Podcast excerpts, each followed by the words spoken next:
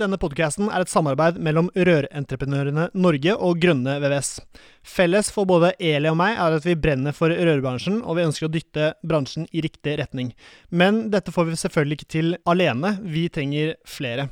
Du kan bidra med å abonnere på podkasten, skrive en omtale i iTunes og dele denne med folk eh, du er glad i.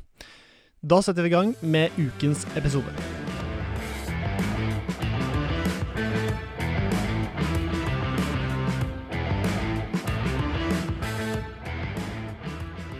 Hei, hei, og hjertelig velkommen til en ny episode av Bare Rør med Eli Hermine Heidal Eide fra Røde-Norge og Serin Poppmidtøyde fra Grønne VVS. Og denne episoden her, Eli, den har vi pratet om Eller du har i hvert fall Jeg har bare prøvd å legge det litt i til Du har syntes det har vært litt kleint, du? Nei, nei, men jeg tenker ok, vi må fokusere på rør. Men er det noe som kan røre da, og lage jazzestemning, så er det dagens uh, gjest. Mm. Og uh, ja, jeg har jo skjønt det Jeg har aldri møtt, uh, møtt vedkommende. Jeg har sett han luske rundt i området der jeg bor. For vi er ikke naboer, men det er ikke langt ifra heller. Og ja, du har jo bare nonstop snakket om at det her må vi få til. på en Første måte. episoden, faktisk, så spurte du hvem som var drømmegjesten min. Ja, Her sitter han. ja, um, Endelig. Ja. Eh, for min del så var det kanskje en rørleggermester, da. Men eh, vi tenker jo vidt Tenker forskjellig, vet. Det er Men jeg har jobba med mye rør. Ja, det har han. Og nå hørte alle hvem du var òg, tror du ikke det? Jo, Nei, nå, da må jeg le. da. vi har, vi har uh... La oss kalle han min gode nabo uh, Alex Rosén i, i studio. naboer. Det er jo naboer. Du, er, du bor rett over veien. Ja, det er det jeg tenker. Så det er bare en liten meny imellom, så er vi der. Ehm, så vi er gode bekjente fra før av. Men iallfall, um, Alex Du bor der eliten bor. Ja, du får opp det du også. Det er et sånn Snapchat-filter, og jeg er helt sikker på at det er noen som sitter og betaler for det filteret der. For Snapchat lager jo, bruker jo selvfølgelig Altså, de lager jo ikke det filteret, men det er en som sitter og betaler for at du får opp sånn derre um, kartfilter. Når du er på Jar, da, så står det 'Jar, der eliten bor'. Og det blir jo ikke bedre enn akkurat, uh, akkurat det, da. Får du opp uh, i Rugland meg nå? Ja, ja. Og det gjør Du det? får det på hele jar. Ja, det gjør det. Herlig. Ja, men det er, eh, det er bra. Og da, Eli, vil jeg gjerne høre din begrunnelse for hvorfor du vil ha Alex i studio. Ja. Eh, det viktigste er jo at dette er en mann som jeg blir glad av hver gang jeg, han åpner kjeften, egentlig. Og bare jeg ser han, så blir jeg glad. Og det vi driver med i denne podkasten, handler jo også veldig mye om at eh, vi skal ha det gøy på jobben, du skal utvikle deg som leder. Og jeg tenker at humor og litt sånn galskap er med å gjøre livet bedre, da. Det er nok av støkke rørleggermestere der ute som trenger litt sånn å løsrive seg litt og få litt inspirasjon til å Ja. Så dette er mannen jeg digger. Er ikke lov å si det?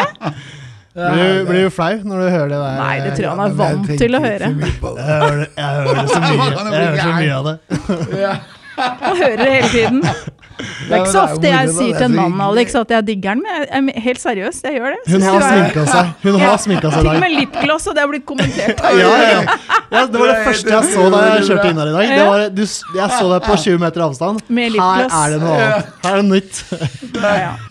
Det er så bra, for det er skikkelig 80-tall. Ja. Men jeg er jo, var Den treffer. Den Ja, ja. treffer. Den treffer. Det var det. Cindy Lauper og Gush Just One Half Fan. Men bare, for jeg begynte å tenke litt, og så tenkte jeg på, som jeg alltid, som jeg alltid gjør, tenker på andre karer, og det er, jeg tenker på Daniel Feiva, som jeg alltid snakker om. Eh, og det som gjør han til en god, god leder, det er eh, ikke bare hans eh, altså lederferdigheter, å få folk Er til å... han Han rørleggerleder? er Han er rørlegger fra Haugesund. Ja.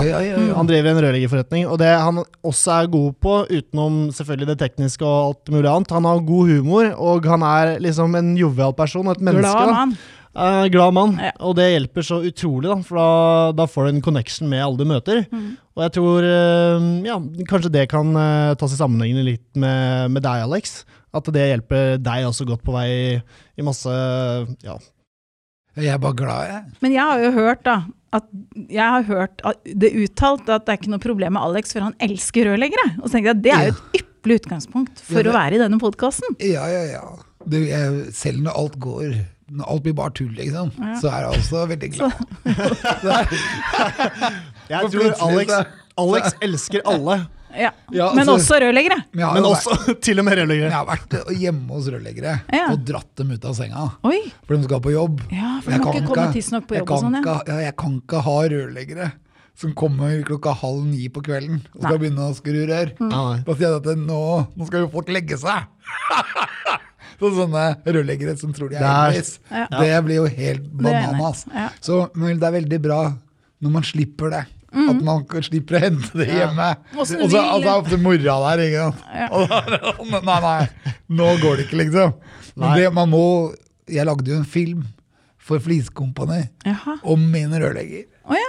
Og kom han ut av det, egentlig? Nei, det var jo helt, jo, han kom jo veldig bra ut av det, men det er jo fordi han er sånn. Ja. Så det, alle er jo forskjellige. Ja. Men det må, alle arbeidsdagene må man bare putte innhold i. Ja. Og er det ikke noe innhold, så må man skape det. Mm. Og det er veldig morsomt å jobbe med rør og, og rørleggere, fordi de har jo en standard hele tiden som de skal holde Mm, Har seg noe å seg til. Ja. Hvor er det den kloakken skal hentes? Mm. Eller hvor, er, hvor mye vann trenger vi inn i det rommet der? Eller hvor mye peksrør skal under det gulvet der? Det er sånn Peksrør er liksom Det høres ut som du har litt peiling, da. Ja, jeg har jo blitt nødt til det. For Ja. jeg måtte jo lære meg dette her. Jeg, har jo, jeg, jeg bor jo i et hus. Gammelt hus, Vi da, bor jo i et område hvor det, ja, det er eldgammelt. Dette er et kråkeslott. Det er eh, bygd i 1925. Og det er liksom Det var ikke toalett der, så huset er jo ikke bygd hvor det skal være, være Ikke ment for at moderne mennesker skal bo der, liksom. Nei, det er ikke det. Og ingenting er det. I hvert fall ikke grunnmuren. Den er så tjukk. Det er som, det er, som Akershus festning. Okay. Når du har liksom, skal gjennom tre meter Ja. med stein Det var derfor du ja. ja. Det var derfor du ville dit. Fordi det var en, det var en En borg. utfordring. ja, det var Ja. legends. Ja. Og så er det bygget på rent fjell. Så Ja. ting er helt sikkert, det kommer ikke til å rase ut. Ikke noe leirskred der. Nei. Nei. Og Det er men det er masse sånne ting. Skal man montere rør, så er det så mye å tenke på. Mm. Og så har jeg ett tips, og det er det rørleggeren min var veldig bra på. Mhm. Og det er det beste tipset å ha. Og det er altså send fakturaen etter at du har murt igjen gulvet. Altså, ikke dem ser hva du har gjort. Ja, De ser i hvert fall ikke hvor mange deler det er, da. Nei. Og det er, det er et veldig bra tips. Mm. For det er da kan, men det er, mye, det er mye rart. Jeg, jeg bare veldig imponert over alt jeg måtte lære meg. Jeg måtte lære meg øh, vann, hvordan vann er, og sprit, hvor det skal sprit, hvor det skal være iskaldt. Ikke? For eksempel effekter på vannbåren varme Oi! i gulv. Altså- og du henter det ut fra brønner, Ja. hvor du må bore to Men har du det? Har du energibrønn hjemme? Selvfølgelig. Å, jeg har jo alltid tenkt det grønne skiftet. Ja, ja, jeg er på vei til Mars. Du er der. Jeg, er, jeg bygger infrastruktur. Og da er vannbåren varme helt essensielt. Det er essensielt, og det er veldig bra. Og det er energi. Jeg tror jeg har spart nå på ti år 70 eller 80 000 kilowatt. Det er Mye helt penger. sjukt. Ja, det er så Mye fine penger. ferieturer og mye moro, da. Ja, det er, og, men så er det det at man kan gjøre så mye, mye mer. Mhm. For dette må kobles opp også med solenergi, solvarme og bruk av batterier. Ja. Og det som er gøy da, i rørleggerbransjen, er at du får nye utfordringer hele tida. For det kommer jo så mye ny Ja. teknikk. Så du kan ha et langt liv som rørlegger. Ja, og fysikken er, det er som en blomst. Det er masse farver og masse forskjellige muligheter. Bare man tenker Tør å tenke litt nytt. Mm. Ja, eller retterør. Eh, Hvor skal aluminiumen hen? Hvor skal varmen hen? Ja, For du har lagt gulvvarme med sånne aluminiumsprofiler i gulvene og sånn, du da? ja. For å fordele varmen? De gamle ja, skeive gulvene. Ja, og jeg har vært oppå han. Og så har jeg montert konvektorovn inn til bestemor. Viftekonvektor, så hun har det godt og varmt. ja. Så det er, det er masse småjusteringer for å få alt dette til å funke. Og i dag hadde jeg et kjempestort problem, fordi dette huset, ikke sant, som er supert hus Det er kråkeslott, det betyr at det har vært bygd på mange mange ganger. Mm. Eldste delen er fra 1925, men det er deler her fra 40-tallet. Det er deler her fra uh, 60-tallet, Mm. 70-tallet og 80-tallet. 70-80 er sikkert det dårligste. Ja, faktisk. Mm, det det, det. dårligste er Ja, men det er det. Er der det knirker mest. Det var da de var Og- kjipest men- på materialene. Ja, men det går an å doble materialene nå. Da når jeg la inn nå, så tenkte jeg at jeg orket ikke den der varmen i gulvet. Men jeg la på nytt gulv, Ja. som var veldig smalt og helt nytt og moderne. Og da tok jeg bort ulyden i gulvet. Mm. Bare ved å legge på nytt. Og det var, jeg bygde ikke så mye høyde. Men her er det masse ting. Altså. Det er masse altså, ting med rør. Og, og så er det pumper. Jeg elsker pumper. Ting som kommer fra under kloakken, der hvor kloakken skal renne ut. Ja. Hvis du må, for at jeg, jeg bygde et basseng. Ja. Eller det var egentlig bygd på 40-tallet, ja. Ja, men det var brukt som restorement, altså oppbevaring av ski. Oh, og sykler og Så når du kjøpte jeg- huset, så var det til ski? Jeg har vært i Hollywood. Jeg vet hvor fett. Det Du må jo ha sånn- svømmebasseng. Det var en designer som fortalte meg i Hollywood at the most important thing with this house Når du skal kjøpe deg nytt hus, hva er det viktigste? The swimming pool. Alltid se på svømmebassenget først. Og når jeg var på visning på det huset, så så jeg det svømmebassenget.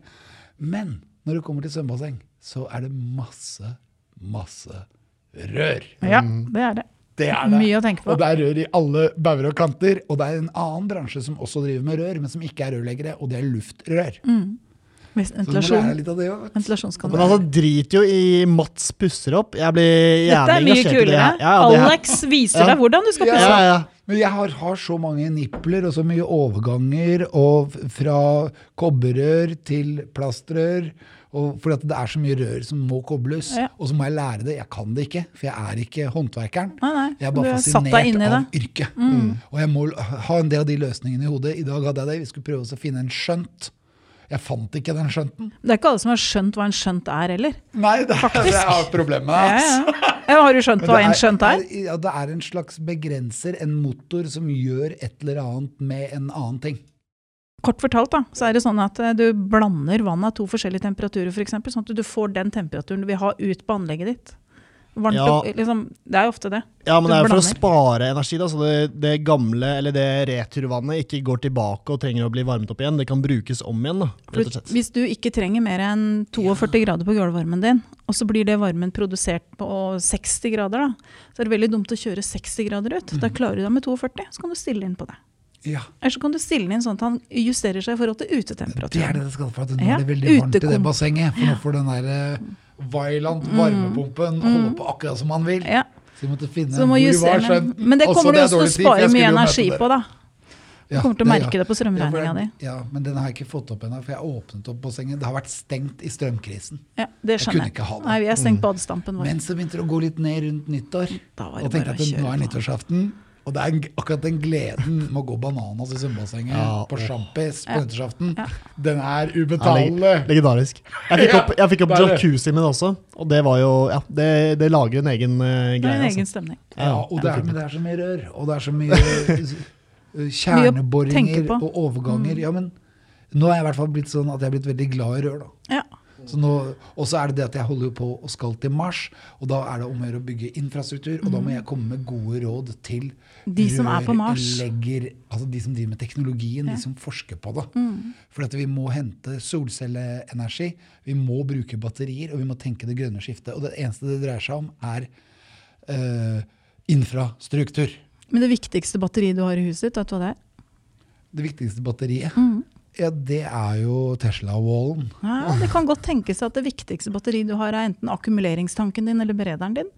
For du kan lade så sinnssykt mye varmtvann, og det er jo masse energi. Ja, ja, det Så hvis du kan begynne å tenke på at den varmtvannsberederen, eller den det heter jo akkumulering for du samler opp masse vann, Ja. det er egentlig i praksis et digert grønt batteri som Ja. gjør at du sparer energi. Så kan du varme det opp om natta på varmeanlegget ditt. Så kan du bruke det utover dagen og skru av all energi. Og bare bruke den energien du har varma opp om natta når det er billig strøm, i løpet av dagen. Oh, yeah, Det er en veldig er fin måte Hvor, ja, Det høres ut som en, en, en liten datamaskin. Hvor ligger den? Nei, altså den den tank... Nei, ja, veldig ofte så står den ved siden av da, hvis du har en akkumuleringstank. Før så var det ikke så viktig med den akkumuleringstanken, men nå som strømmen varierer så mye, Jeg så er det veldig har det. lurt. Det er den mellomtanken. Ja, det er en slags sånn mellomtank. Mellomtanken mellom det som kommer fra den energibrønnen og over i varmtvannstanken. Det er litt sånn som at hvis du varmer opp en, eh, setter i gang en peis om, og varmer opp eh, muren da, som står inntil den, så blir den muren veldig varm. Og så etter om den er kald, så står den fortsatt og avgir masse varme, den muren. Ikke sant? For det er så mye energi plass inni den. Sånn er det også med den akkumuleringstanken eller berederen din. Du har lagd masse varmt vann, og så kan du bruke det når du trenger det. Veldig smart. Typ, jeg reiser til Mars snart. Ja. Ja, ja og dette, det dreier seg om infrastruktur. For vi er nødt til å redde planeten fra global overoppheting. Ja. Og skal vi gjøre det, så er det håndverkerne som faktisk må, kan gjøre det. Med unntak av en gruppe som nekter kontinuerlig å gjøre noe med det, nemlig bønda. Bønda, ja, men de Ja, er ikke for- håndverkere. Nei, men de er jo de må Ja da, være de er en del av alt.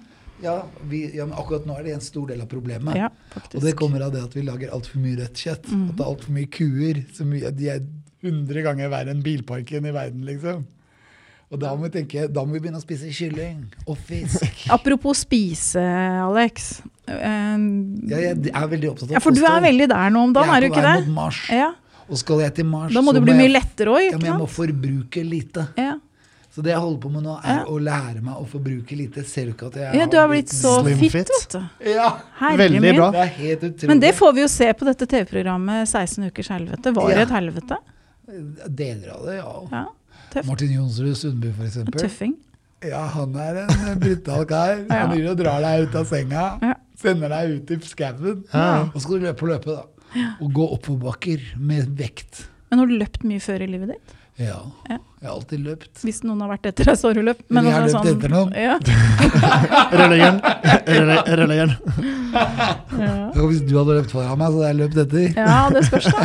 Jeg tror du hadde tatt meg fort igjen, for å si det sånn. Ja, I hvert fall nå, for jeg jo Jeg Nå er jo jeg har gått ned. Ja, har du gått, ned? kan, går an, nei, Det er kanskje å røpe noe, det. Ja, det kan jeg ikke. Nei, det skjønner jeg at du ikke kan si. Det tror jeg kommer i det siste programmet. Ja, men vi som ser deg, tenker at det, det har skjedd noe, da. Ja, det forandrer seg jo.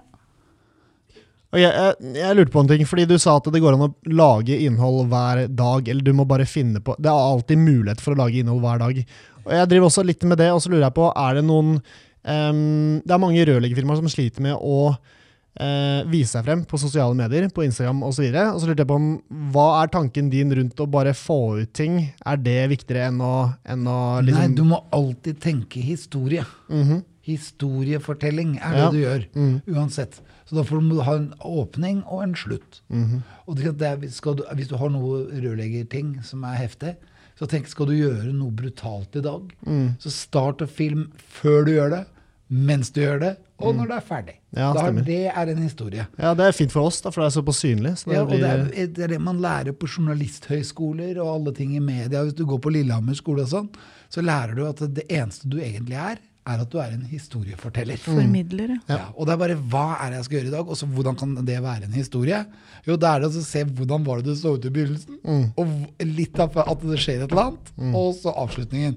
Og så er det kult at noen driter seg ut, og derfor må du egentlig ha kamera på hele tida. Ja, For det er, det, er, det er du som kommer til å drite deg ut. ja, Men det har vi jo snakka mye om her òg, da. Ja, ja, ja, det er, jeg gjør jo det hele tida. Og, det er- og det er jo sånn at det, da blir det story. Men så er det noen storyer som du ikke kan fortelle. Mm. Så du må hele tiden beskytte deg selv litt mot å drite deg ut. For at du kan plutselig det, å være politisk ukorrekt eller plutselig bli mobbete mot feil folk. Eller, ikke sant? Det er masse måter du kan tråkke feil. Det er jo noen feil. som har tråkka ordentlig Men bare tråkker du de siste feil på deg selv? Ja, det er alltid noen som gjør det. Men tråkker du feil på deg selv, så er det bare funny. Ja, det, det er vel Det er bare sjarmerende, ja, egentlig. det er sjarmerende. Du, til, du er ikke så høy på pæra, du tillater folk å komme litt nærme. Da. ja. Men Severin er, jo, altså, Severin er jo stor på TikTok. En, eh, jeg tror du er den største rørleggeren på TikTok, Severin. Ja, det Eh, og der forteller han jo masse bra historier. Han forteller Ja. om livet sitt på en så bra måte Ja, at det det. Bra fanger historier. Det Så det er disse historiene du har du Du har skjønt det, Severin, men Ja, det er mange andre da som ikke har skjønt det ennå. Ja, så er det jo også gøy, Ja, om vi gidder, å skjønner du, for at det, om du gidder å levere det. For det er lov å være privat. Jobb. Ja, ja. Man må huske, Jeg er veldig bra på å være privat, for jeg er der ikke hele tiden. Nei. Det er det samme som med mobilen. Jeg ser ikke på den hele tiden. Nei. Du må være litt sånn Ja. Du må gjøre som. Aristoteles, stor gresk filosof. Mm. Den gylne middelvei. Wow. Litt av alt. Men Og det eh, gjelder jo rør òg. Ja, ja. Må ha noen tynne rør og noen Mm. svære rør. For at det er så lite du får gjennom det tynne røret. Mm. Mens nå har jeg et problem, for at jeg har jo kloakken min ligger jo midt i huset. ja. Så det som er i kjelleren, må inn i en pumpe og så du har ja. Og bestemor orker ikke å løpe opp og ned trapper. Så hun blir sittende nede i kjelleren, da. ja. Og nå må jeg ha en helt ny pumpe, da. Ja. Rundt bestemor. ja vi, vi Sånn er det. Få det opp. Men um, Ja, det, det skal jeg skrive ned. Husk ja, det. ja, jeg bare hiver den over gjerdet, så er det greit. Og du kan jo nok om rørlegging, så du fikser det sjøl. Jeg gir deg pumpa, altså. så Ikke alt. Jeg er veldig imponert over de rørleggerne som kommer inn i et eldgammelt hus og så finner de rørgater med en gang. Ja, ja. At de er- finner veien, ja. Det er en kunst. Husk at all håndverk er kunst. Mm. Så, sånn var det i gamle dager òg. Når du skulle bygge et akvadukt da, som skulle gå gjennom en by, Mm. som ble bygd av i pur stein, og som var 20 meter høyt, høyere enn husa, liksom, bare for å få ferskvann. Ja, Du måtte skjønne fall og trykk. Ja, de ja, ja, det var helt de, de skjærte inn engler ikke sant, som Mm. sto over der hvor vannet har kommet. For det var Guds gave. Og det er masse sånne ting som Man er en kunstner. Håndverkere er kunstnere. Mm. Det er veldig mange som lurer på hvorfor eh, altså Rørleggeren har et svennebrev, mens nyere yrker har da et fagbrev. Og det er jo forskjellen faktisk på et fagbrev og et svennebrev, er at eh, håndverkeren da, som har svennebrev, skal kunne konstruere og lage noe og skape noe. Mens fagbrevet, da er du en montør.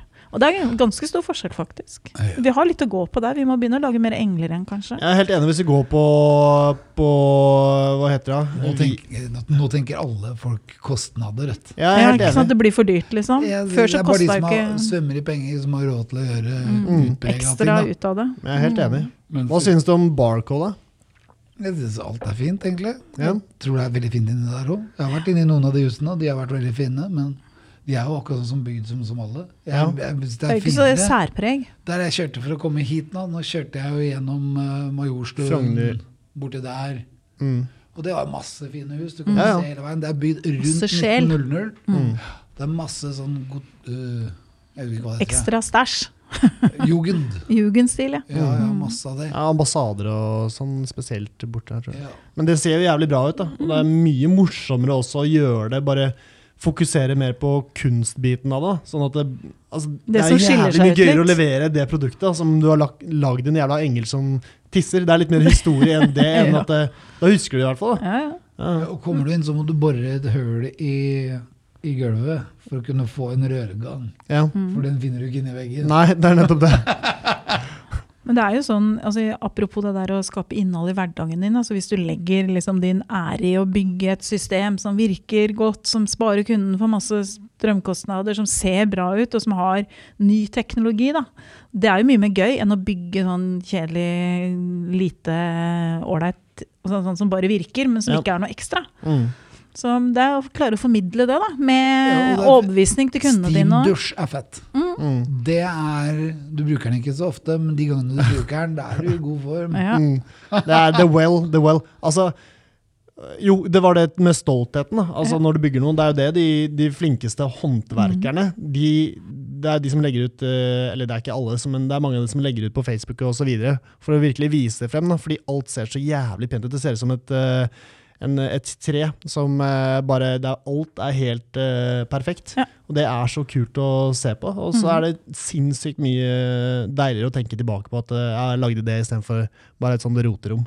Um, ja. I forrige podkast snakka vi ganske mye om det der å klare å beholde folk i yrket. At du skal liksom stå som håndverker og bli, utvikle deg og bli flinkere. Jeg tror essensen er mye det. da. At du drar inn det med yrkesstolthet og med glede. At du klarer å liksom få ut det at folk får muligheten til å liksom utfolde seg på jobb. da. For å gjøre noe som du syns er gøy. Ja, men vær med å tenke litt annerledes òg. Mm. Hvis du kommer inn i et flott hus, og de har stor plass, da kan du slenge et badekar inn på soverommet. Ja, ja, ja. Foran vinduet, liksom. Der kan du sitte og bade. ja Ja.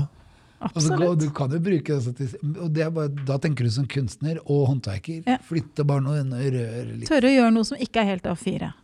Ja. Men hva gjør jeg du, da? det, når jeg tok det svømmebassenget som Ja. var i det huset her, som var da øh, Jeg fant ut når jeg gikk gjennom Finn historiske kart, så så jeg der at det må ha vært bygd mellom 1938 og 1945. Oi!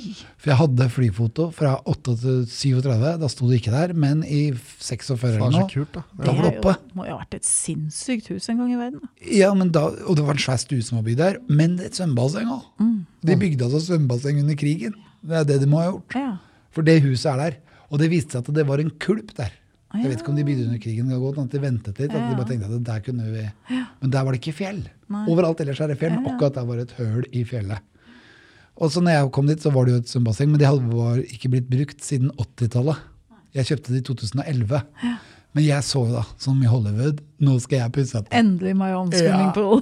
Så jeg reiv alle veggene helt inn til grunnmuren, som jeg da fant ut var tre meter tjukk. Mm. Og uh, den sto jo da som en vegg inne i huset. Den ene gummen, For dette var, påbygget var jo bygd ut langt over.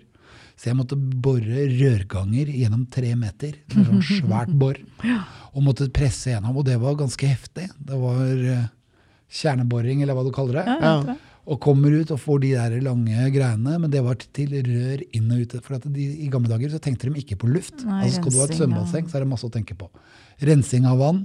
eh, balansering, altså pH-balansering. Temperatur. Og ja, det kommer ofte i noen av de andre, men selvfølgelig, hvis du gjør som meg da, og, og kobler det opp til Vailant varmepumpe, så må du ha den skjønten, du må skjønne hva som skjer. Ja. Det er det den ikke gjør hjemme hos meg nå, så da har jeg en elektriker og en rørlegger. Men rørleggeren, han, han er litt gæren da. Det ja. merkelig at du hadde en litt gæren rørlegger. men de må høre på meg til slutt. Jeg, nei, jeg har lært meg hvordan jeg må prate til folk for at de gjør jobben og ikke begynner å lage scener. Mm. Det, men, og, men det går kjempebra til slutt. Jeg vet at dette her blir bra. Jeg har byttet ut et par av de andre også, men, eh, men de, de pensjonerte seg. Så det har var greit. kanskje en veksler? Ja, men det som er greia med det bassenget, det er at det går tilbake til den va- va- jordvarmen. Ja. Varmen, Jeg henter tilbake varmen via denne vifta. For du må tenke luft. Skal du ha et basseng innendørs, så må, er luften en, essensiell. Du kan ikke ha et Men det visste de er ikke i masse gamle dager. kondensproblematikk, ikke sant? Ja, så også hadde de også montert hele bassengrensesystemet over vannlinja. Det er Ja, også feil. Du må under, sånn at du får vannet ned i disse her, sånn at du slipper å suge det. Selvsirkler sånn. Ja, og den må under vannlinja. Det gikk ikke i mitt hus pga. fjell. Så jeg måtte sprenge 20 ganger innendørs med TNT, eller svartkrutt. Og jeg tror jeg fjerna 180 tonn stein. Oi. Og dere aner ikke hvor mye det er. Jo, jeg veit det, for jeg driver og pigger opp en kjeller om dagen. Ja, Det er helt sjukt Det er så mye. Det er lastebillass på lastebillass. Det endte med at jeg heller bare begynte å planere utafor kåken. Vi fylte ut en hel hage, vi. Ja, det gjorde Ja. jeg òg. Mm. Med stein, altså hardcore stein. Det er jo sånn Oslo-stein. Mm. Og det er jo skifer. 420 milliard, millioner år gammel. Mm. Gammel havbunn. Det er masse, det er ma masse moro. Men uansett, da, med det va- va- varmtvannssystemet jeg har, med Vailand-pumpa, to hull på 175 meter, så har jeg altså spart uh, det er, jeg, tilfører 1 kilowatt og får igjen 4. Ja, du har en COP på fire, ja. Det er ganske bra, ass. Ja, det er helt utrolig. Mm. Men, og det er kanskje mitt råd. Jeg, jeg tenkte det bare fordi jeg matematisk tenkte det. Ikke alle rørleggere er enige med meg. Jeg forstørret varmepumpen til det dobbelte. Ja, sånn at du dekker 100 av varmebehovet ditt, og Ja, enda mer. ja. Jeg dekker 100% men den varmepumpen er dimensjonert for et hus som er fire ganger større. Ja. Og det gjorde jeg med vilje fordi svømmebassenget var der, Mm. men også fordi jeg er en utleiekokk. Men selv med den så tok jeg og gjorde den fire ganger større.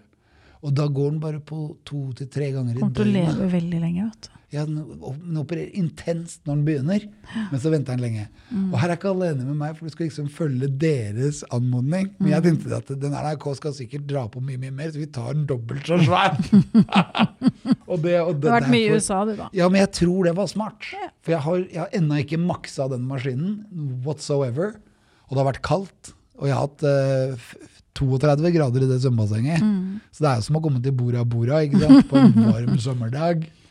Ja, for du har vært der òg, liksom? Ja, ja, ja. Det var, Der var jeg jo med Børresen, Geir Børresen, som døde i, i fjor. I sommer. Ja.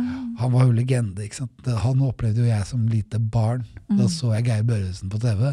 Det Og han er en av grunnene til at jeg blei sånn som jeg blei. Å, så kult. Ja, for jeg var fan av Geir Børresen. Han var litt kjekkere enn far min, så han var kul. Han var jo en fantastisk fyr. Ja, ja, flere ganger.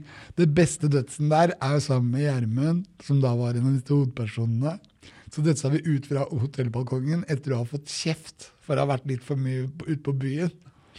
Og så dødsa vi over han sjefen, over en veranda, og tre etasjer ned på yttersida. Og så kommer et svømmebasseng på yttersida der, men vi måtte over den trappa da, ved den verandaen. Så ta i litt, da. Altså, vi så ikke svømmebassenget da vi løp ut. Og så var det forbi verandaen og ned. Mens de filmfolka gikk nedenfor. Det var, det var legendarisk. Men blei du filma? Nei, det ble jo ikke filma fordi de filmfolka ble jo skremt. Ja. Så det er derfor jeg sier slå på utstyret så fort du kan, for at du kan alltid redigere vekk ting du ikke kan ta med. da. Mm. Hvem er det som gjør Eller hvor, hvor, hvilke sosiale pl plattformer er det du bruker? Og det er mest Snap. Ja. Men det er ikke der jeg bruker, jeg er mest på podcast. Ja. På Alex Rosén reiser til Mars, fordi at det er det oh, ja, er. Det er det som er prosjektet. ja, fett. Det er derfor jeg skal kanskje til USA nå og besøke Starship, da, Ja. som er SpaceX sitt romskip. Her er det også masse snakk om rør, da, for jeg vet jo det at eh, rørleggere setter også opp kobberrør. Og det som var helt sjukt, var at når vi drev og så på eh, de derre eh, rakettmotorene til Starship, som skal kjøre til Mars. Det er to gigantiske Merlin-rakettmotorer. Der gikk flammen fra å være gul og rød, som den skulle være, så gikk den plutselig til å bli grønn. Hva er som har skjedd da? Da er det noe som har skjedd, for det skal den ikke være. Da brenner du nemlig kobber. Ja, for det er, det er den fargen som blir når det irrer, det. Ja, og det er det som er farven som brent Men hva kan den gir. bruke isteden, da? For den vil vel Nei, ikke det- brenne ja, kobber? den- Nei, de vil jo ikke det. Det er bare at de har ikke funnet ut en legering på noen av disse motordelene til raketten. For den begynner å brenne seg det. Mm. Det tåler rett og slett ikke varmen. Det blir jo så rød- rødglødende alt. Ja. Og så plutselig begynner kobber å brenne, og da er det bare snakk om et tidsspørsmål. Det er som motoren dette. eksploderer. Ja, det er akkurat som foldebånd. Men sånn er rørleggerbransjen. Ja. Du må være tidvis ganske nøyaktig. Ja. Og det er greit å gjøre jobben én gang, Mm. fordi da veit du Når det gjelder denne raketten, så må du gjøre jobben gang etter gang etter gang. For de, er jo, om du, Mm. Aldri altså, de er på grensen til hva som er mulig. Ja. Men ja, det er spennende igjen, og også når det gjelder rør, hva du skal frakte i de rørene. Er det glykol, er det diesel, eller er det vann? ja. Stor forskjell. Ja, og så er det veldig rart, også, som jeg syns med disse rørene, det er all den hummusen som er i Norge. Mm. Det er hummus hele veien. Veldig mye overflatevann vet du, som blir drikkevann. Ja, det, og det er der hummusen kommer fra. Ja, det kommer jo Men den ligger på innsiden av rørene. Ja. Og på veldig mange av disse gamle røra, hvis du åpner opp trykket i røret, så kommer det jo veldig mye hummus. Gjør det alltid det? Eller vil den forsvinne etter hvert? Mm. Det er, litt avhengig av, ja, det er litt avhengig av hvor vannet kommer fra. Men vi har jo noen episoder på den podkasten som bl.a. handler om vannbehandling. Altså inni varmeanlegget ditt f.eks. Så kan det jo gro bakterier og veldig mye annet rart. Så det å tenke vannbehandling på anlegget ditt for å få mest mulig energi ut av det, er faktisk ganske viktig. Så den episoden burde du høre. Ja, Da lærer du litt om det. Ja, men altså vann er jo på en måte Alt du tilfører og alt det vannet omgir seg, da, det påvirker jo eh, kvaliteten på det vannet. Ja. Så det vannet vi får ut i krana vår på kjøkkenet vårt, har jo gått gjennom noen prosesser før det kommer ut av krana Mm. di òg, ikke sant. I forhold til at det blir filtrert, og noen ganger så må du tilføre noe. og Ja, du må liksom bearbeide vannet da, for at det skal være sunt for deg når du skal drikke Jeg har et spørsmål. Hvorfor må noen betale vannavgift etter måler, mens andre ikke har det? Det er opp til kommunen din. I noen kommuner så er det pålagt at alle har vannmåler, og noen kommuner ikke. Eh, Da er det beregna ut ifra areal, men du kan forlange å få en vannmåler i alle Ja, kommuner. men du vil jo ikke ha vannmåler, for at da du vil heller betale Ja, Det spørs hvor snittprisen sånn stort hus du har, da. Ja, Hvordan er det i Oslo, da? Jeg er ikke sikker hva prisen her er i Oslo, men i Bærum så tror jeg vi betaler rundt 50 kroner eh, kubikken. Kan det stemme? Ja. Og du, hvis du bor i et stort hus og ikke Så er det svindyrt å ikke ha måler. mm. Er det det? Ja, ja. Mm. Mye mer gunstig for deg Fordi å ha det er på areal. Hæ? Ja, fordi det er på areal. Og hvis du ikke bruker så jækla mye vann, så Men jeg bruker mye vann pga. det svømmebassenget. ja, da må du droppe vannmåler. Men det kan hende du skal ta Ja, det er det jeg må jeg droppe den. Ja. Ta så Ring Bærum kommune. Jeg må ikke ha vannmåler, men jeg syns du først har fått den, så kan du ikke bli kvitt den. Nei, sånn er det. Men det, Ja, sånn er det. Sånn er det. Jo, nei, men det er jo sånn at uh, vi satte inn vannmåler når vi bygde, rett og slett fordi at vi har relativt stort hus. Eh, men så tenkte jeg at da har vi i hvert fall kontroll på liksom hva vi bruker. Men et svømmebasseng, du bytter jo ikke vann på det så veldig ofte. Nei, men det fordamper jo. Ja. Og så er det jo sånn automatisk sånn at den holder vannflaten, da, sånn at det ikke renner ut. Mm. Men veit du hvor mye hvor mange kubikk du har i bassenget ditt, f.eks.? Ja, ja 16. 16 kubikk, ja. ja. Da er det 16 ganger større enn badestampen min, da. eller drøyt. Ja. Så Ja, 16 000 liter vann. Ja, det er mange liter vann, altså. Ja, men det er deilig å dødse. Ja. Fra taket, eller? Ja, jeg ville gjerne det, da. Jeg ville ha sånn lem som jeg kunne åpne opp inni. men Hoppe ned fra Ja, etasjen over, ja. Fra, har veranda helt øverst. Ja. Og da er det gjennom stua, ja og så så gjennom bassengrommet, ja, og så døds. ja, Ja, det hadde jo vært kult. ja. Sitter og filmer. Hun er og filmer. Det er jo bestemor, det. Ja. Ja, ja, hun bor i kjelleren, kanskje. Ja, så hun, da blir det hull i bassenget. Mm. Ja, hun bor ved siden av bassenget. Gudskjelov. Nå, Severin, nå har vi da en som er råere enn deg på de fleste medier. Ja, det Nå har du muligheten da, til å eh, finne ut Jeg har jo lagd en liste, da. Ja, har så- du det? Få ja. høre. Nei, eh, vi var jo inne på det i sted, med det, de traute rørleggerne som, eh, som sliter med å få eh, Eller som kunne brukt sosiale medier mye bedre, fordi vi lager noe, det synes, osv., osv. Men det er jo det med storytelling. Fortell, ja, fortell en historie, og det er litt sånn der også med det jeg sier, at du må lage liksom leven i løpet av dagen. det, må, det er veldig hyggelig å hilse på folk. Mm. Så bare si noe til folk, ikke sant? uten Ja. at de egentlig skjønner hva du prater om. Det er alltid gøy. Det Sånn. Hei, du. Ja, det er Men tenk Hva var det du sa nå? Men du hadde vært en eh, levende legende på TikTok. Eh, hva er dine tanker om det? Jeg har ikke hatt tid. Nei, stemmer. Jeg har sett på det, men Det hadde boosta snappen din eh, veldig. ja. Ja, 100 Mm. Så hvis jeg er gira på det, så Men bruker du også Snap i jobben? Ja, jeg prøver litt, men uh, jeg prioriterer TikToken, da, så, mm, så det, ja. Mm. Mm.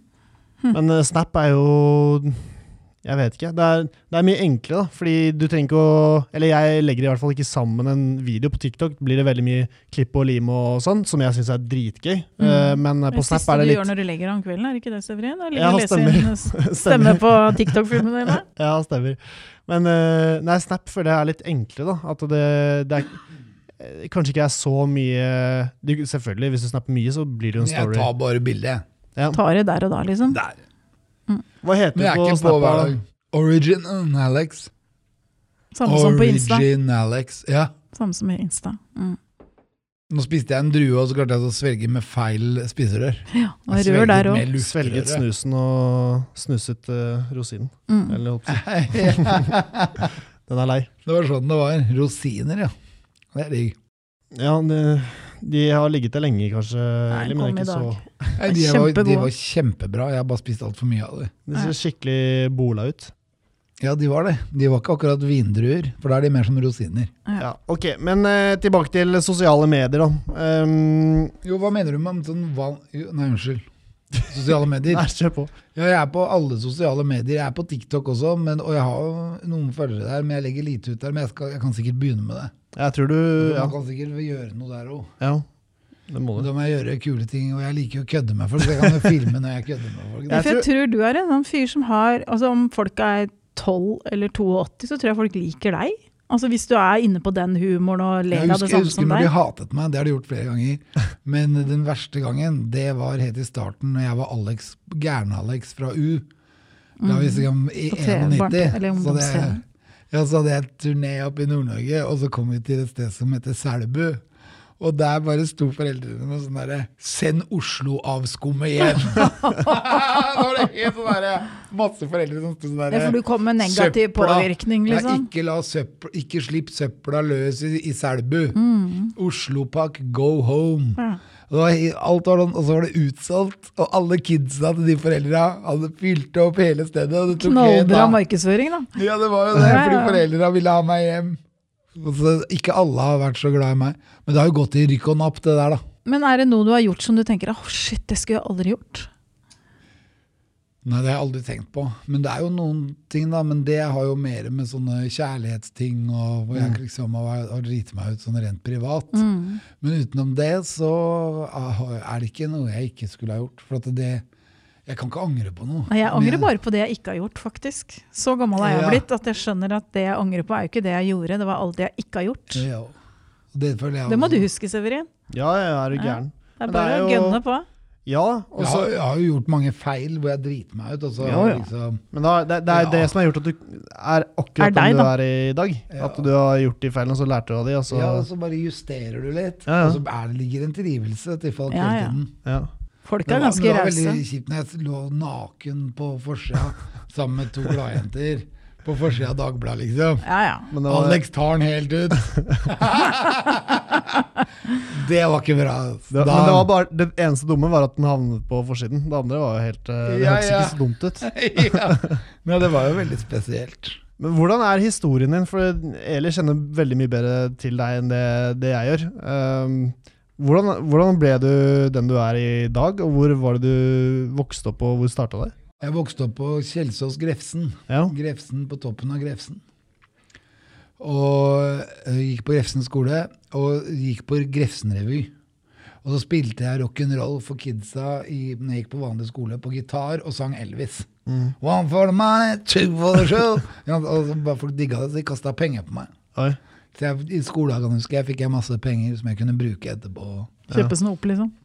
Ja, for de kasta, og da har jo pengene vært mye. ikke sant? Myntene har vært mye, da de de kastet. Men også var jeg med Åsleik Engmark og Jon Skau og Siv Anita Andersen på Grefsenrevyen. Mhm. Og det var egentlig første gang. 83. Gammel var du da? 83, da var jeg 15. For jeg begynte ett år for tidlig på skolen, så alle andre var 16. og Jeg var 15. For faren min orka ikke å ha meg hjemme mer, så jeg ble sendt på skolen ett år før alle andre. så det er sånn, Jeg var født i mars. Det var jo, og, og mange i klassen min hadde, var jo dobbelt så gammel. Allerede året, altså før mars hadde kommet, så var det jo mange som hadde bursdag i januar. og sånn. De var over et år eldre enn meg. Mm. Men det var jo veldig gøy, da, for at jeg måtte jo overleve. Mm. Og det er sånn jeg har overlevd videre også. Ved, jeg husker jeg på sånn derre leirskole med alle rampen fra Oslo sentrum. Fra Majorstua, fra Bislett, fra Grønland. Alle skulle opp på leirskole. Og da husker jeg da var jeg syv år. Og så skulle jeg unngå å bli mobbeoffer. Det var masse gamle. Jeg var den yngste av alle. Det var ingen som var så ung som meg. Lille Alex, liksom. Ja, Og det var en sprø opplevelse, men veldig bra sånn survival. Fordi da jeg klarte å ikke bli mobba én gang. Men alle de som var akkurat to år eldre enn meg og tre år eldre enn meg, de ble jo mobba. Ja. Men jeg bare klarte alltid å være det var på rett sted. Social skills. Eller på feil sted, men til feil tid. Ja. det var ikke da det smalt, liksom. Men jeg Men- husker jo deg som litt sånn, litt sånn gæren på TV når jeg var ung. Ja. Det er ikke, det er ikke stygt ment å si gæren, men du var liksom Jeg, jeg var nok også litt gæren. men jeg var ikke så gæren. Jeg, altså jeg var ikke så ut, du var ganske utagerende, da. Mhm. Eh, og det har jo kommet mye bra ut av, tenker jeg, da. ja, men det var jo, alt var jo så streit. Ja. I 70- og 80-tallet så var jo alt streit. Det var jo ingenting som skjedde. Ikke sant? Og de som skulle være gærne, de var så skuespillere. Ja. Så jeg bestemte meg for å være real.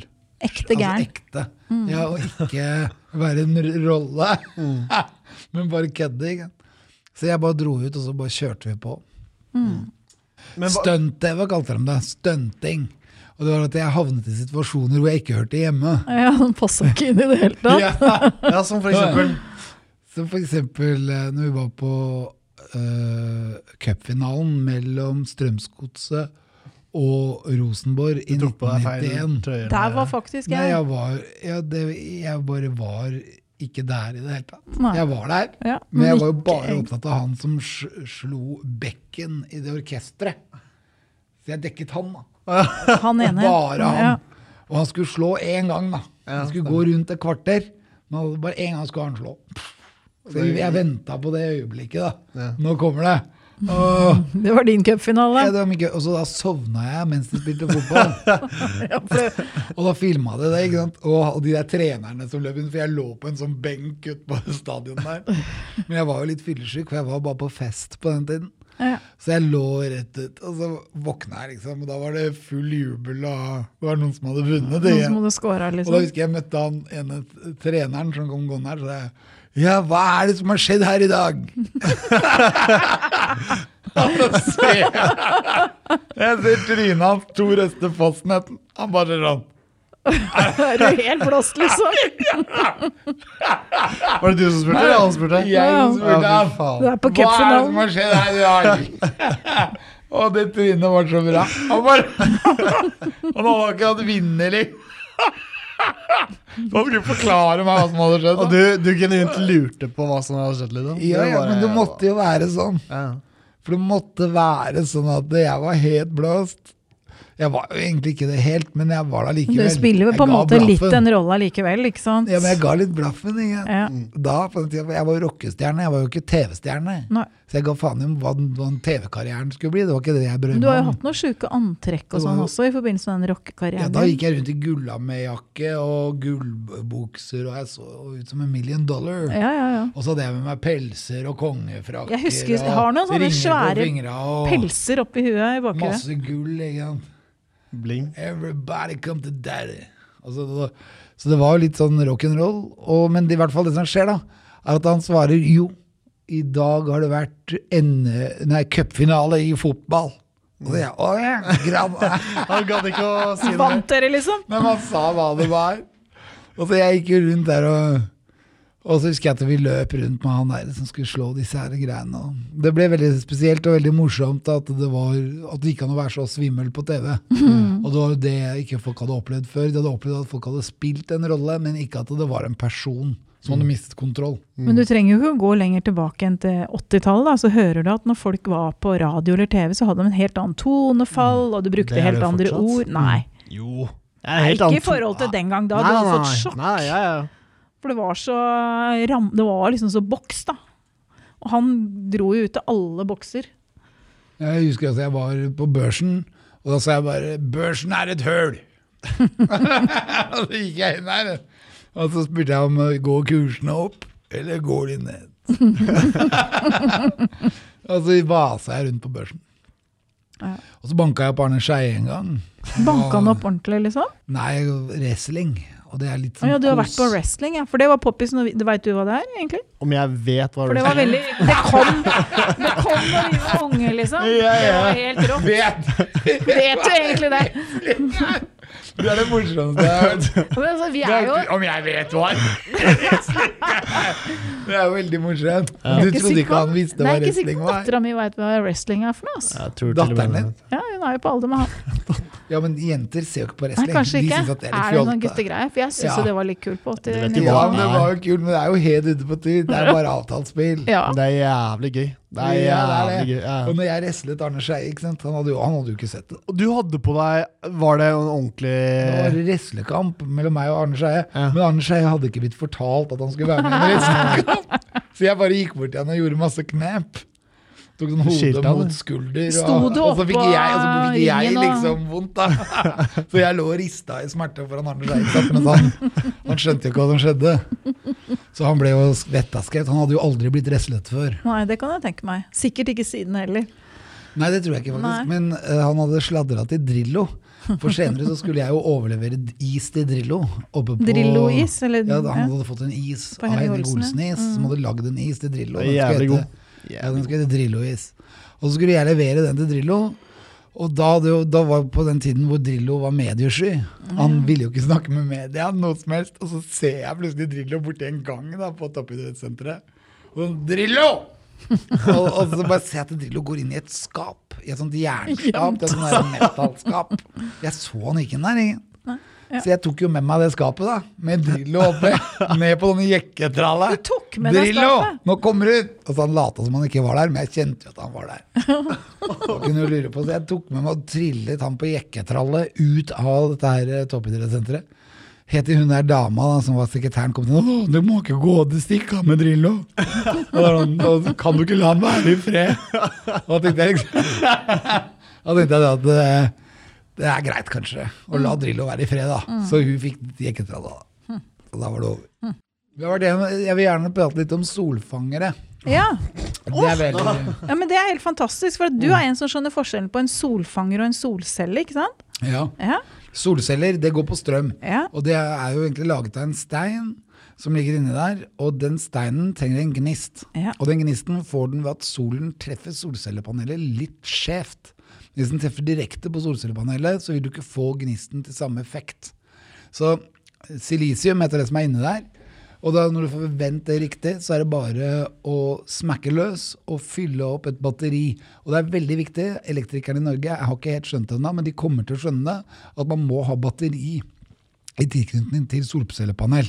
Og det var det eneste når Elon Musk var og besøkte oljemessen, så var det det eneste han pratet om, det var dere må ha batteri. Han hadde fått med seg det, at diskusjonen gikk på ikke få batteri. Og Ellers så får du jo bare brukt det du bruker akkurat der og da. ja, og du det gjør du ikke. Du bruker ingenting. Og det gjør heller ikke, for strøm er ferskvare, så det Ja. lages der og da. Du må ha et batteri for å ta vare på det. Mm.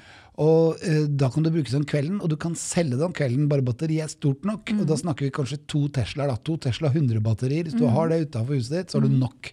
Har du svømmebasseng som, som meg, så må du ha tre, for da må du ha ett som bare jobber med svømmebassenget. Men da vil du få overskudd av strøm, og da kan du bli plusskunde på Hafslund. Mm. Så her er det litt sånn samarbeid mellom de som er rørleggere, og de som er elektrikere. Og det, men det er det jo i mange henseende. Mm. Det er jo veldig ofte at den ene må vente på den andre. Men har du solfanger hjemme hos deg sjøl? Solfangere det er noe helt annet. Det er akkurat som poser med vann Mm. som ligger mellom solcellepanelene og er mørke og henter solenergi. Mm. Og det er også veldig fint. Det virker nok best i Norge om sommeren, men du kan tømme det. All sol virker best, egentlig. Ja. Nei, men Mm, på solcellepaneler er har vi veldig bra om vinteren også. Mm. Og det kan du se bare på stakene rundt i Oslofjorden, og egentlig helt til Nord-Norge. De går på solcellepaneler, og de lyser til og med på vinteren. Så du, et solcellepanel med, eh, med batteri trenger mindre strøm enn man tror. Og så vet jeg at elektrikerne, og særlig ingeniørene, vil begynne å regne. Glem det. Er Batteri kan funke uansett. Kobl det opp mot nettet, så du kan bestemme hvor mye du skal ha, og hvor mye du kan fylle opp også via nettet. Sånn, da fikk jeg sagt det. Det var det jeg skulle si om sol solfangere. Fungerer optimalt sammen i et energihus. da. Jeg har en eiendom oppe på Storo hvor jeg har lyst til å bygge et helt grønt bygg. Altså et bygg som bygges i pluss, Plussenergi. som både er bærekraftig, inkluderende og opprettholder samhold. Og det er fordi at du kan snu regningen til å bli utgift. Nei, og motsatt. Altså Eh, snu utgiften til å bli en regningen til å bli en inntekt. Og du kan bore energibrønner, og du kan bore mange. Mm. Det må være litt mellomrom mellom de, og de må bygges i litt forskjellig vinkel, for det blir mye ja, blir kulde i- uti de. Ja. Men det, ja, det har jeg gjort, for jeg har to stykker. Og de, det funker som bare det. Ja. Det er veldig veldig bra altså, hvor mye jeg har spart, egentlig. Selv om akkurat nå så sliter jeg litt med den skjønten, men utover det så går det greit. Men du er jo en egentlig fantastisk framsnakker av noe av det jeg brenner mest for i denne bransjen. her. Og det er denne energifleksible oppvarminga som gjør at vi faktisk kan, Du kan bruke hva du vil. Det som er billigst til enhver tid. Ja. Eh, så du, er, du har jo skjønt Det er veldig godt å gjøre altså, Alex. Ja, men det som er, jeg, jeg skal jo til Mars. Ja. Og skal du til Mars, så skal vi bygge en 100% karbonfri og helt energinøytral by på Mars. Den skal klare seg selv. Men da må du jo ha vannbåren varme, faktisk. Ja, men, og, og det er sånn, Problemet til Mars da, det er at den har en størknet kjerne. Eh, Mars har nemlig to måneder. Men så du har ikke den energien inni. Nei, Deimos og Phobos, det mangler Mars, den energien inni. Den har størknet for mange millioner år siden. Ah. Og den har ikke noen eh, geografisk sentrum. Den har derimot veldig mange geografiske punkter på planeten, men det vitner om at den har mistet sin uh, magnetiske kjerne. Emne, kjerne. På jorda, så jorda består jo av ett grunnstoff, stort sett, og det er jern. Det er mest jern på jorda. Det er 90% jern på, på jorda. Uh, og det, som, det har også Mars. Men Mars trenger å bare ha én måned, for det er månen som lager friksjonen på jorda, og som gjør at kjernen vår er flytende hele tiden, og at den ikke har størknet. Med to måneder så får du litt annet geografisk sentrum, eller magnetisk sentrum på planeten. Men hvis vi tar den ene måneden, Daimo, så krasjer den i den andre. Så vil vi få et magnetisk sentrum, og vips, så kan det hende at vi vekker liv, Kjernen. kjernen i Mars. Og den, når den kjernen begynner å sette i gang, så vil Olympus Mons, som er det største fjellet i vårt solsystem, men også på Mars, det vil kunne sprute vulkansk aske igjen. Og da vil du få en planet som lever. Og da vil vannet i planeten vil bli presset ut. Og så vil vi få hav. Og en dag, kanskje mens vi lever I hvert fall han, kanskje. vet, kanskje du lever, ja. og da kan du kanskje seile på Mars, hvis alt går etter planen. Vi Så det er drømmen, egentlig. da. Drømmen er at mennesket skal ha store visjoner, og at med hjelp av inspirasjon og glede skal vi redde jorda fra global overoppheting. Mm. Det er målet. Men for at vi skal få til det, så er jeg redd for at vi må til Mars, for vi må ha teknologi. Og det eneste som driver teknologien i, i mennesker, det er drømmen om noe uoppnåelig. Mm. Sånn som USA, eller Amerika, hele Amerika var for Columbus. Ja, Samme måte som Roald Amundsen Amundsen ned til Sørpolen. Oppdagelsen av Sør-Amerika. Mennesket ekspanderer. Vi kommer til å bli interplanetarisk. Og det betyr at vi kommer til å ha to planeter om noen år. Nå heter Starship til Elon Musk det, i SpaceX heter nå Starship 24. Jeg vet ikke hvorfor det heter 24 i slutten, men det kan jo tenkes at At det skjer noe i 2024. ja. Egentlig skulle det skje i 2022, men Mars står ikke i riktig orbit før 2024, etter 2022. Så i 2023 så er den på andre siden av sola, er for langt unna. Du er så nerd, du. Så kult. Ja, men dette er jo pga. programmet mitt. Da. Ja, men ja. rør er en del av infrastrukturen. Når Ja. vi skal bygge infrastruktur på jorda, og dette gjelder alle kraft, kraftområder, vannkraft, øh, solkraft eh, Vindkraft er jeg ikke så glad i, for at det ødelegger mer enn det det smaker. Um, når det gjelder eh, bil, båt, fly, alle bevegelser, samband. Når det gjelder internett, f.eks. Når det gjelder legeindustrien, leger, brannmenn. eh, alle sånne funksjoner som et samfunn trenger, så er alle i en sånn utrolig forvandling. Og, og bønder også kommer til å inkludere.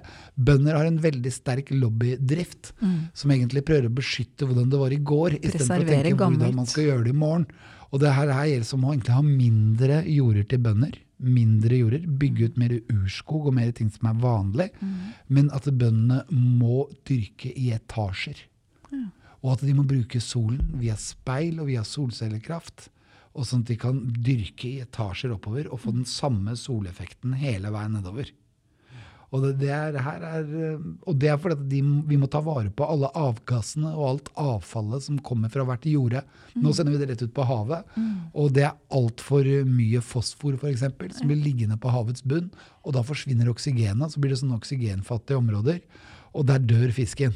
Og Sånn nitrogen er et problem. Eh, Helt riktig. Og det er masse sånn Forholdet vårt til forskjellige grunnstoffer må endres. Mm. Og dessverre så er det bøndene som har størst skyld i det. Jeg sier ikke at det er, de har gjort det med vilje. Mm. Nei, men det har sånn, mot men- bedre viten kanskje tidligere i hvert fall. Ja, Mm. men de må bare gjøre om og legge om hele driften. Og det kommer til å skje. Det kommer til å skje, Men lobbyvirksomheten derfra er beinhard. Det ser du bare i Brasil, hvor naturvernere blir skutt når de kommer med disse forslagene. Jeg så nyheten i dag, og så sto det at regjeringen hadde gitt 47 nye oljekonsesjoner.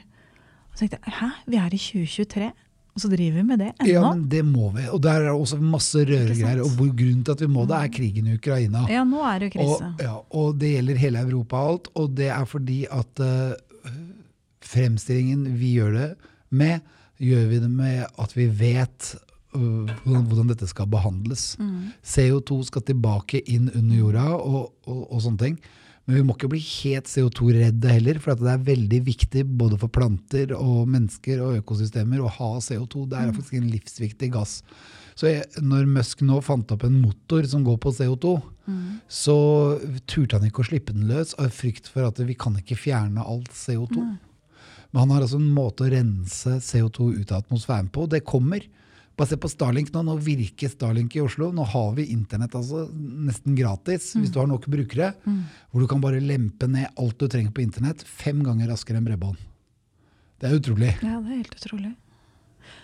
Dette gikk fra å være elleville Alex til å bli nerde-Alex som tenker framover. Ja, fordi at jeg, har- jeg har lagd en bok nå om hvordan være på børs uten å tape penger. Ja. Og det har jeg gjort sammen med dette 16 uker i helvete. Uh -huh. Vi har vært og trent for å komme meg i form, for å være på børs lenge nok, for å oppnå renters rente, så må du være, leve lenge. Mm.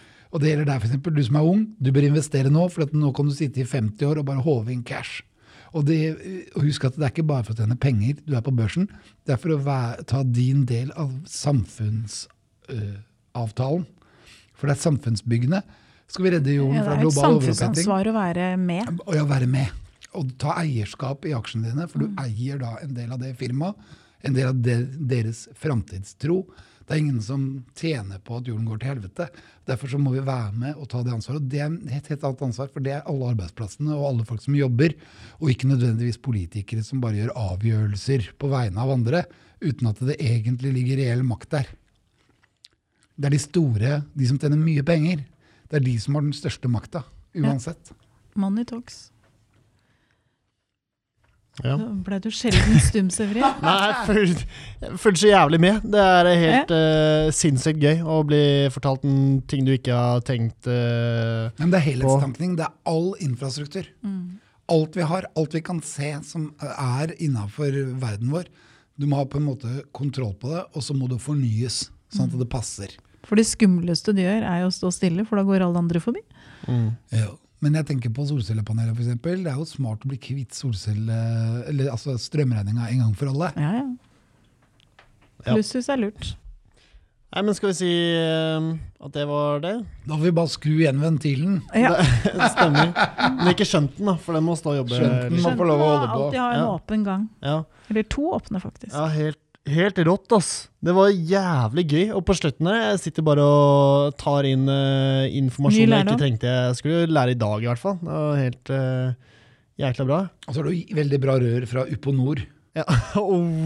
Han har tydelig hatt et engasjement der, du hører det. Ja, jeg syns Ja, men Soundeffects er er, kjempebra. noen av de beste røra der er de røra som er pakket inn dobbelt utapå, for de kan ligge utendørs. Ja, det er med varerør. Blue pipe og red pipe og alt mulig. Er bra. ok, nei, men supert. Eh, Alex, sinnssykt Veldig hyggelig å få være hos dere. Takk for at du kom. Veldig hyggelig for at du nerder litt på rør. Ja, og vi lærte så mye om soler og måner og alt Mars, mulig rart. faktisk. Ja, vi vil gjerne lære dere mye mer òg. Vi vil gjerne ha deg igjen hvis du tenker at en, en liten opptreden på Bare Rør-podden kunne passe seg igjen. Du er hjert, du, altså, hvis jeg får bestemme, da, Severin. Du er hjertelig velkommen når du måtte ja, må ønske. du huske å putte på sånn ekspansjonstank også. Ja, veldig Sånn viktig med ekspansjonspær. sånn. ekspansjonskar. Mm. Ja, sånn du får mot, Sikkerhetsventiler og mottrykket. Og Ja, du må ikke miste trykket Nei. i, i varmen. Nei, det er sant. Stammespråk. Stammespråket. Ok. Nei, men det er eh, prima. Da avslutter vi der. Kanskje en av de lengste podene vi har Det er en av de lengste podene det. vi har gjort, og, og det er bra. Ja. Ja, Ja, men supert. veldig hyggelig. Rør og glede. Ja. Rør og glede. Rør og glede. Herlig. Tusen Takk hjertelig for meg. takk. Tusen ja. takk. Takk, takk. Takk, takk til teknikken også. Ja, selvfølgelig. Og så må vi takke programlederne. ja, pro programlederne. Poppe. Ja, tusen Tusen hjertelig takk. Tusen takk. Og så prates uh, igjen om en ukes uh, tid. Og så tusen takk til deg også. Bare hyggelig. Og tusen takk til meg. Ja. Ja da.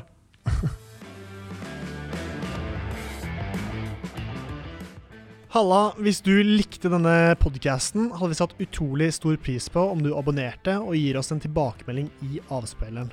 Eh, spre gjerne ordet videre til andre i rørbransjen som brenner for rørleggerfaget og er opptatt av å drive en seriøs rørleggerbedrift.